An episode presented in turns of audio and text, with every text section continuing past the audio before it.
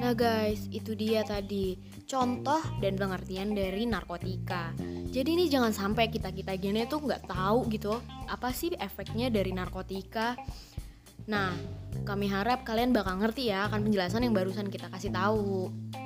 Selanjutnya, yang pastinya nggak bakal kalah menarik loh ya, kita bakal bahas tentang penggolongan narkotika.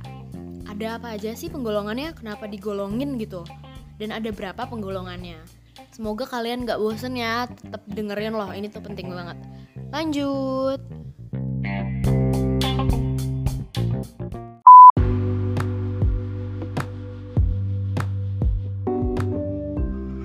Narkotika golongan 1 Narkotika golongan ini sebetulnya bisa digunakan. Nah, bingung kan? Kenapa ya bisa digunakan? Eits, namun dalam jumlah yang terbatas ya dan hanya untuk kepentingan pengembangan ilmu pengetahuan dan teknologi. Namun, penggunaannya harus dengan persetujuan Menteri dan atas rekomendasi Kepala Badan Pengawas Obat dan Makanan atau BPOM. Beberapa contoh narkotika golongan satu adalah tanaman koka, tanaman ganja, kokain, dan sebagainya.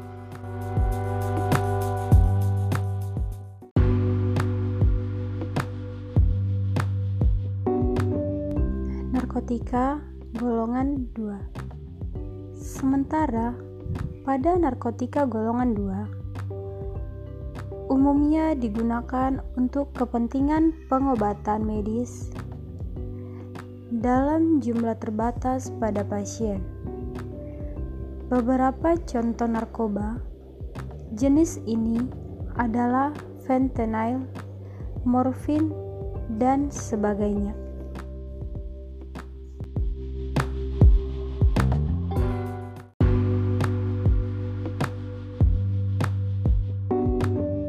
Narkotika golongan 3. Sama seperti narkotika golongan 1 dan 2, narkotika golongan 3 digunakan sebagai pengobatan medis yang diberikan oleh dokter.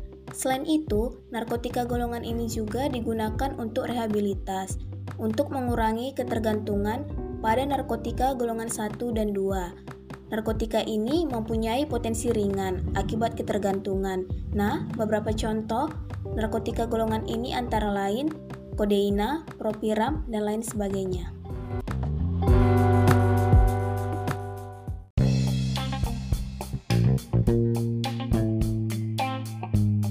Oke, next kita bahas contoh psikotropika ya.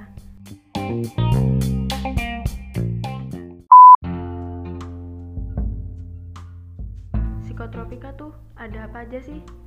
Pertama, ekstasi. Bahan kimia senyawa MDMA memiliki kandungan dominan di dalam ekstasi. Efeknya yang paling kerasa adalah setelah kalian mengonsumsi, kalian bakal ngerasain adanya perubahan emosi. Contohnya, hilang rasa sedih, cemas, dan khawatir. Lalu pemakainya juga bakalan berhalusinasi seolah-olah mereka ngerasa senang, bahagia, dan ingin tertawa.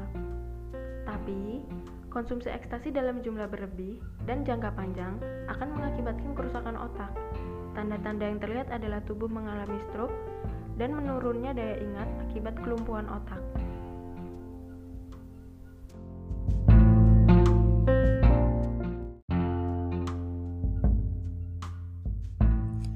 Contoh psikotropika yang selanjutnya yaitu sedatif.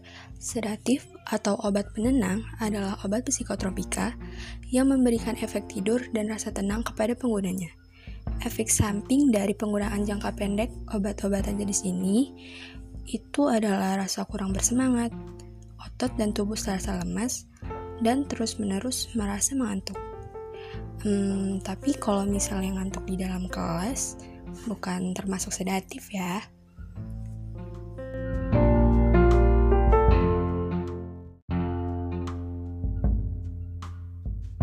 Sementara itu, Psikotropika dibedakan menjadi empat golongan, antara lain psikotropika golongan 1. Sama seperti narkotika golongan 1. Psikotropika golongan 1 juga hanya dapat digunakan demi tujuan ilmu pengetahuan.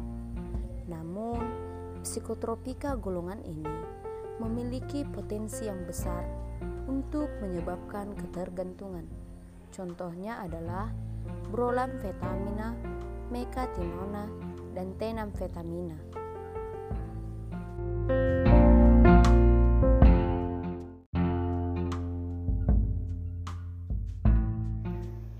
Psikotropika golongan 2 juga bisa digunakan terbatas, yaitu untuk tujuan medis, dan boleh juga dipakai dalam terapi ataupun tujuan ilmu pengetahuan. Namun penggunaannya benar-benar harus hati-hati, karena zat-zat ini berpotensi sangat tinggi untuk menyebabkan ketergantungan. Jenisnya antara lain yaitu amfetamin, sekobartibal, dan ziperol.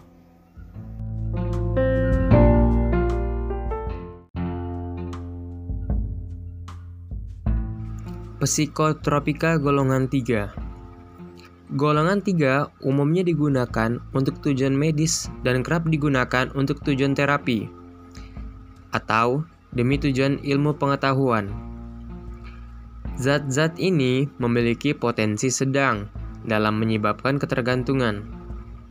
Beberapa contohnya antara lain amobarbital, katina, serta pentazocin.